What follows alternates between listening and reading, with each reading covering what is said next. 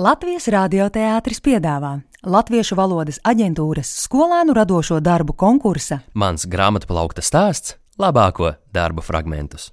Paldies visiem, kas piedalījās, fantazēja, domāja, rakstīja. Paldies jums saka arī žūrijas loceklis rakstnieks Valdis Rumnieks. Jā, Gan arī visos sacerējumos paustas atziņas, ka elektroniskā pasaule ir aizraujoša. Tomēr nekas nevar aizstāt burvīgu grāmatu, kurai ir neatkarīga no elektrības, kurai ir lapu čaukstoņa un netveramais kaut kas. Lasīsim, Lasīsim 10. un 12. klašu skolēnu darbus. lasīsim. Manas dienas paiet klusumā. Es ieklausos pulksteņa tikšķēšanā un lūkojos istabas četrās sienās. Patiesībā jau es esmu tikai parasts grāmatu plaukts, tāpat kā citi. Veclaicīgs koka karkas, divas nelielas durtiņas, ierūsējušas naglas, dzīvoju parastā padomju dzīvoklī. Es glabāju dzīvokļa neparastā saimnieka, dzēnieka grāmatas.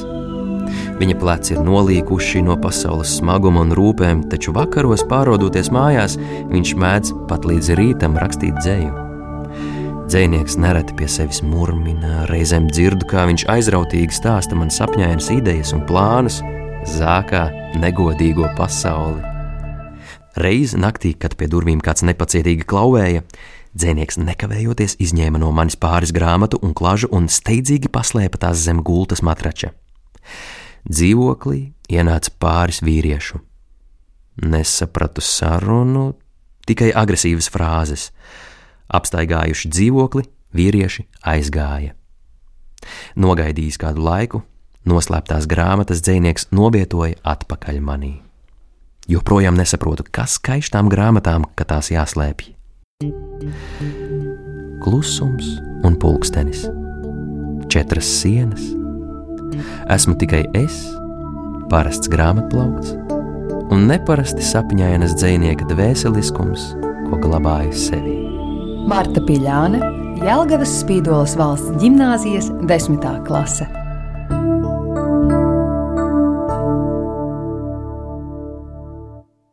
Grāmatas mūsu ģimenē ir svētas.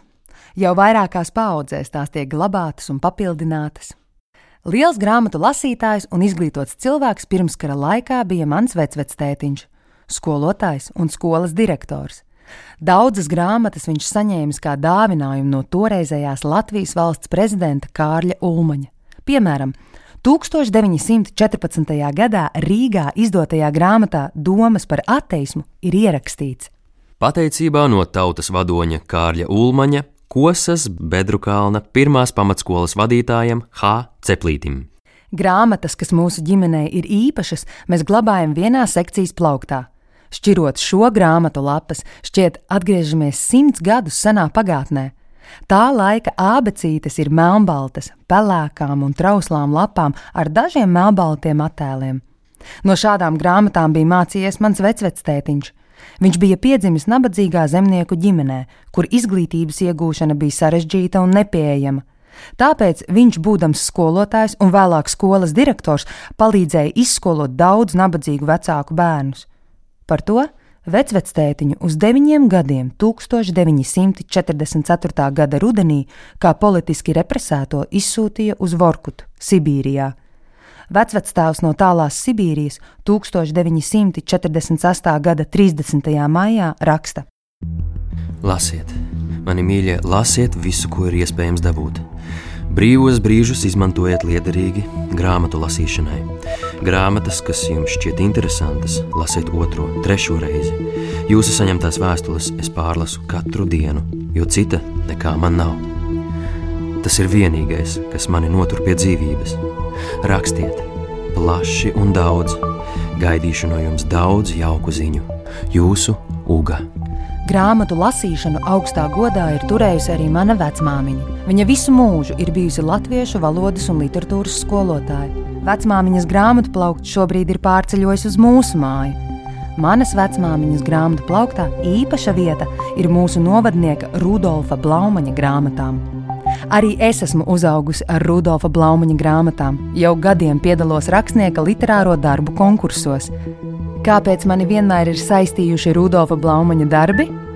Tā ir valoda, kas manai dvēselē ir tik tuva. Mana mamma tagad jau trijās paudzēs ir skolotāja, un es bieži savu bērnību pavadīju skolā. Skolā savu laiku īsināju, pārcilājot grāmatas grāmatu plauktos. Cik ilgi var šķirstīt bilžu grāmatas? Radās interese par to, kas tajās rakstīts. Tā pamazām pašmācības ceļā lasīt iemācījos aptuveni četru gadu vecumā. Biju tik ļoti aizrāvusies ar grāmatu lasīšanu, ka mani bieži nācās atraut no tās. Savu bērnību pavadīju princešu, troļļu un vēlniņu valstībā. Izsapņoju gan princešu dzīvi pilī, gan neaizmirstamos piedzīvojumus kāpjot pa garo pupu debesīs, gan kā sērdienītē nolaižoties pazemē. Ar gadiem mani pienākumi ir mainījušies. Grāmatu lasīšanai laika ir palicis mazāk. Jo pieaudzis ir ikdienas darba apjoms, bet vienmēr cenšos izlasīt kādu labu grāmatu. Es bieži grāmatā meklēju sevi. Anse Millere, Ērgļu vidusskolas 12. klase.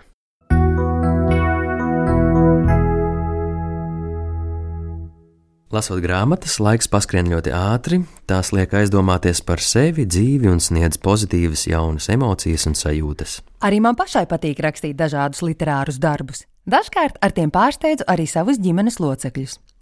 Man tuvākas ir latviešu autoru grāmatas. Mana vismīļākā grāmata ir Māras Zālītes pieci pirksti un turpinājums Paradīzes putni. Šajās grāmatās ir stāstīts par rakstnieces dzīvi gan Sibīrijā, gan Latvijā, atbraucot no Sibīrijas, no bērnu skatu punkta. Es domāju, ka katram cilvēkam būtu jāizlasa šī grāmata. Pārskatot savu grāmatu plauktu, tajā atrodu arī ārzemju autoru darbus, Džeroma Deivida Selingera grāmatu, Uzkraujas rudzlaukām, un Hārperas Lī grāmatu, kas nogalina lakstīgalu. Šīs grāmatas ir iemantojušas pasaules atzinību. taču tās mani neuzrunāja. Katra latvieša grāmatu plauktā vajadzētu būt kādam dzējas krājumam. Dzeju, manuprāt, nevar salīdzināt ar grāmatu lasīšanu. Tas ir īpašs process, kuram nav iespējams veltīt pāris minūtes. Latviešu autoru dzēja mani iedvesmo.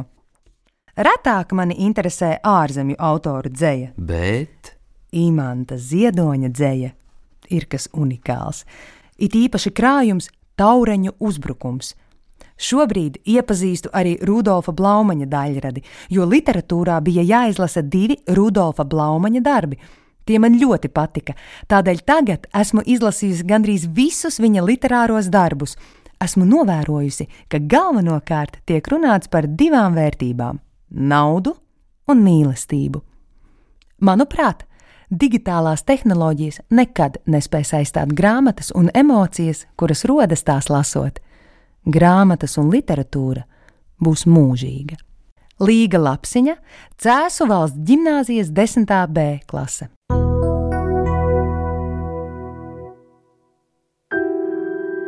Viss, ko es vēlētos, ir liecinieks manām ciešanām. Nezinu, kā justies. Manas rokas sasietas, manī savirmo dusmas, vilšanās, vēlme kaut ko mainīt, kliegt. Asaras lēnām pilno manām acīm. Ģimene ir aplenkusi ugunskura. Neviens neuzdrīkstas izdvest neskaņu, kā bērēs. Sprakšķiešana, dzirksteļu uzliesmojums, valda nāvīgs klusums. Kāpēc? Vai viņi tik tiešām domāja, ka slēpjot patiesību, viņi var pasargāt desmitgadīgo meitēnu? Grāmatplaukts bija kļuvis par vienu no mums. Katrs no mums ir upuris. Slīkstot pelnos un karstajās oglēs, grāmatplaukts ar pēdējiem spēkiem man čukst. Tu neesi viena. Kad tu vairs nespēji iet, seko manai balsī. Bez sāpēm mums nevajadzētu ticību un cerību. Atceries, Atceries, atceries! atceries! Rolands Kalējs, Briseles 2. Eiropas skolas 12. klase.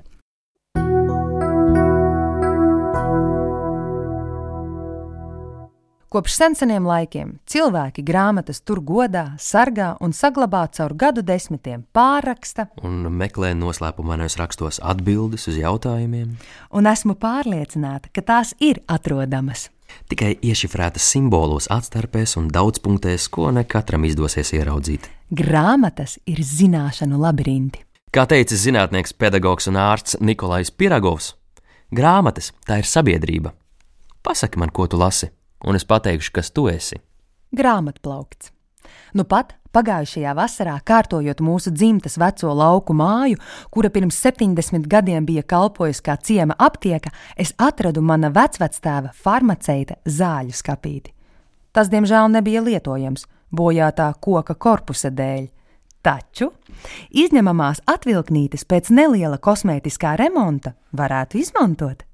Tā nu es tās mazgāju, pulēju un krāsoju, šaubīdamās par rezultātu un izjūzdama atbildību pret senču gariem.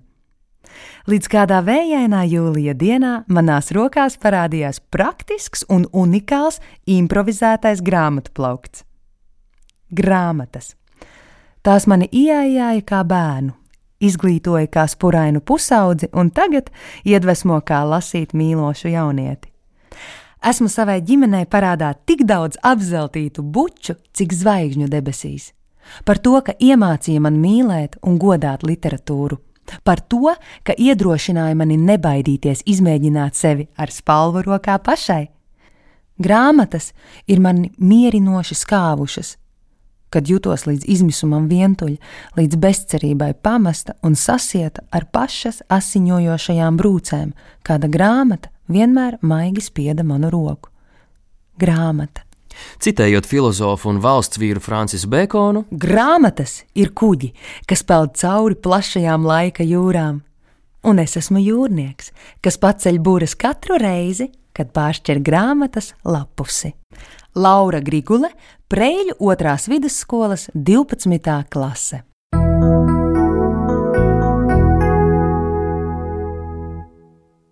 Visa pasaule un tās vēsture ir kā viens liels un sens grāmatu plaukts.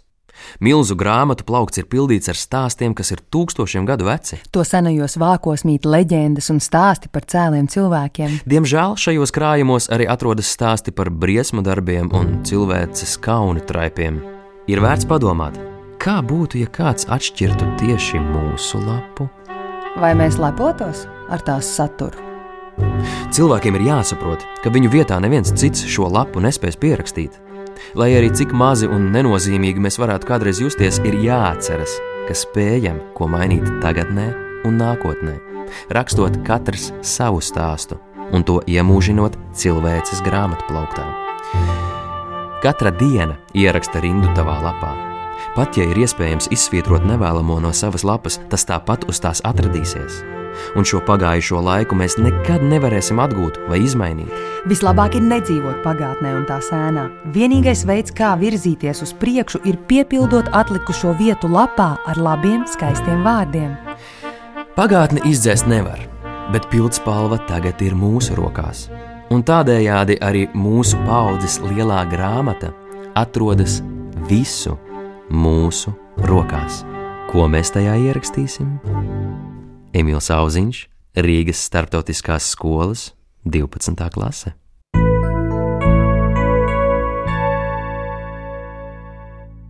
Pēc garas, nogurdinošas un pavisam lēnas dienas, kurā no jēdzīgā nekripatas netika padarīts, bet tik un tā sajūta tāda, kā būtu piedalījusies Trešajā pasaules karā. Vēl tikai spēks ir mazajā metāla ķobītī iebirdināt pāris vasarā vecmāmas dārzā sarautās piparmētras, lai uzvārītu nomierinošu tēju.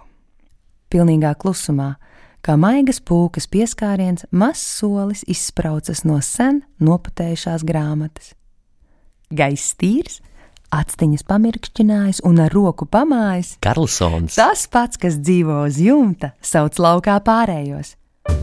Karlsons laižas lejā no grāmatu plaukta, un viņam lielā lēcienā seko princis un mūks tilles pavadā. Pīters Pens un Zvārgulīte saskatījušies, sāk plati smīnēt, jo Vinnijas pūks, apaļais lācītis, knapi tuntuļo uz priekšu, tāpēc Zvārgulīte nolemj uzbērt tam putekšņus, kas paceļ viņu gaisā un ļauj lidot. Vēl aiz viņiem seko citi pasaku tēli un kā caur maģisku portālu ieiet sapnī. Manā sapnī. Atkal domāju par to reizi, kad ēzelītis IA bija vientuļš savā dzimšanas dienā un es jūtu, kā viņam tas sāpēja būt vienam. Kaut gan vēlāk, protams, draugi piekāpa. te pēkšņi šai domai pāri pārklājas balta migla, un it kā liek domāt, ka šis nekad nebūtu noticis, stāstu atkārtojot tikai šoreiz ar citām beigām. Ir ēzelīša ijā dzimšanas diena. Lotte no izgudrotāja ciema uztaisīja balonu sarkanu, jo sarkanu, tikai šoreiz tādu, kas nepārsprāgst, un sniegbaltīte ar bitēm sarunāja, ka piepildīs Vinnija izēsto medus podu ar jaunu devu svaiga pļavas puķu medus. Un salikuši kopā zinošākos prātus, viņi uzrakstīja uz nu jau piepildītā medus poda Daudz laimes dzimšanas dienā! Agneta Āboltiņa, Elijas vidusskolas 11. klase.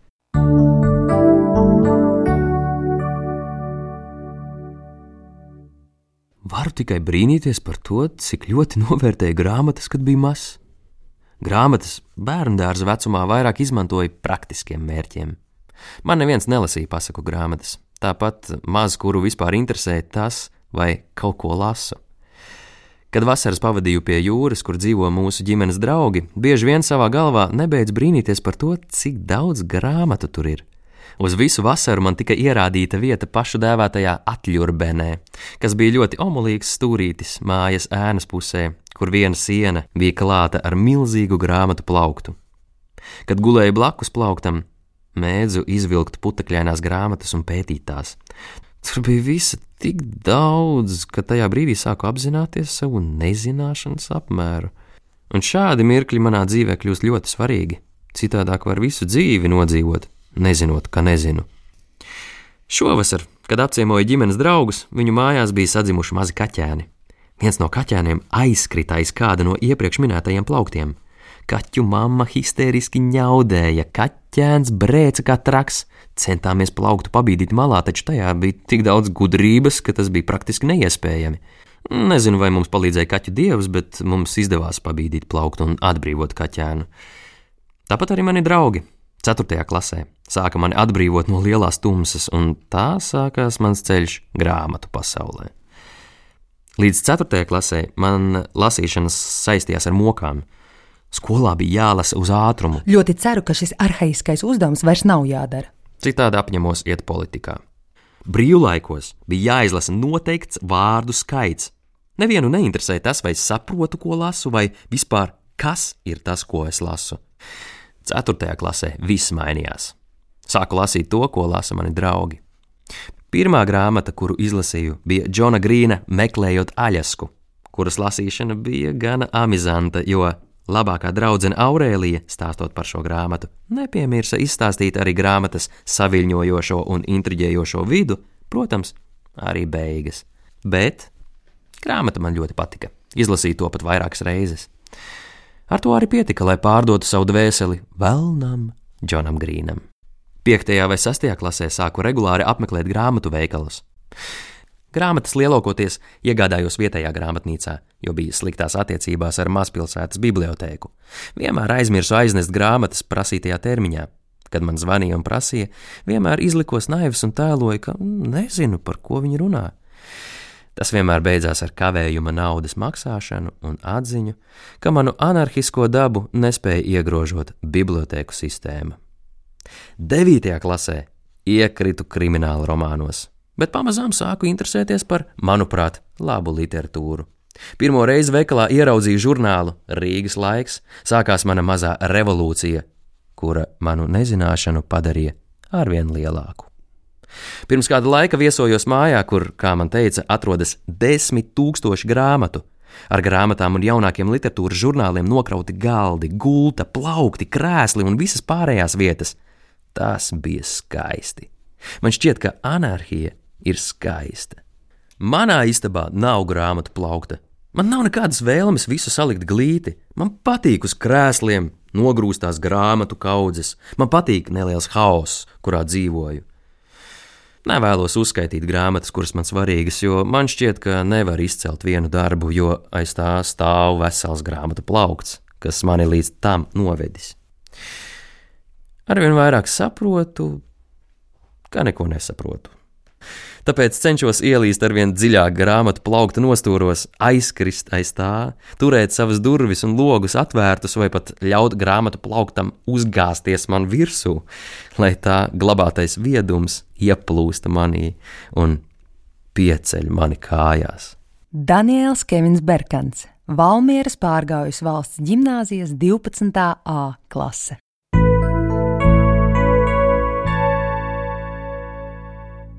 Jā, es joprojām spilgti atceros krāsainās bērnības atmiņas, to, cik daudz brīnumu atklāti, cik daudz nedarbu darīts. Bet tagad manī mīt sajūta, it kā 15 plaukti manā dzīves grāmatplauktā nemaz nepiederētu man.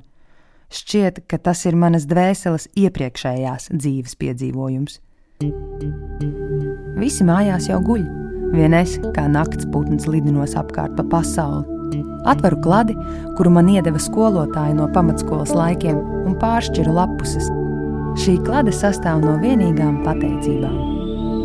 Tās es rakstu ikdienu. Lai gan diena šķiet ir bijusi bezgala neizdevusies, pateicībā es rodu mirkļus, kuri tomēr ir devuši kaut vienu smaidu. No somas apakšas izvelku savu vienīgo pildspalvu un pielieku tās galu pie lapuses, kura guļ manā klēpī. Es saku paldies par spēku izstāstīt savu dzīvi baltajām lapām. Es saku paldies par ieklausīšanos manī. Es saku paldies par rūkto šokolādes kūkas gabaliņu, kas deva apliecinājumu, ka manā dzīvē viss nemaz nav tik nomācošs. Paldies par karsto dzērienu un tā sniegto dvēseles piepildījumu. Es saku paldies, ka vairāk kārt aplūkojot manu dzīves grāmatplauktu, es tomēr sapratu, ka tāda ir mana dzīve pilna ellišķi sāpīgiem un dievišķi skaistiem mirkļiem, un ka, neskatoties uz kritieniem un grūtībām, es katrai savai grāmatai dodu vietu te, manā dzīves grāmatplauktā. Arita Mieze, Valmieras Viestura vidusskolas 10. A klase.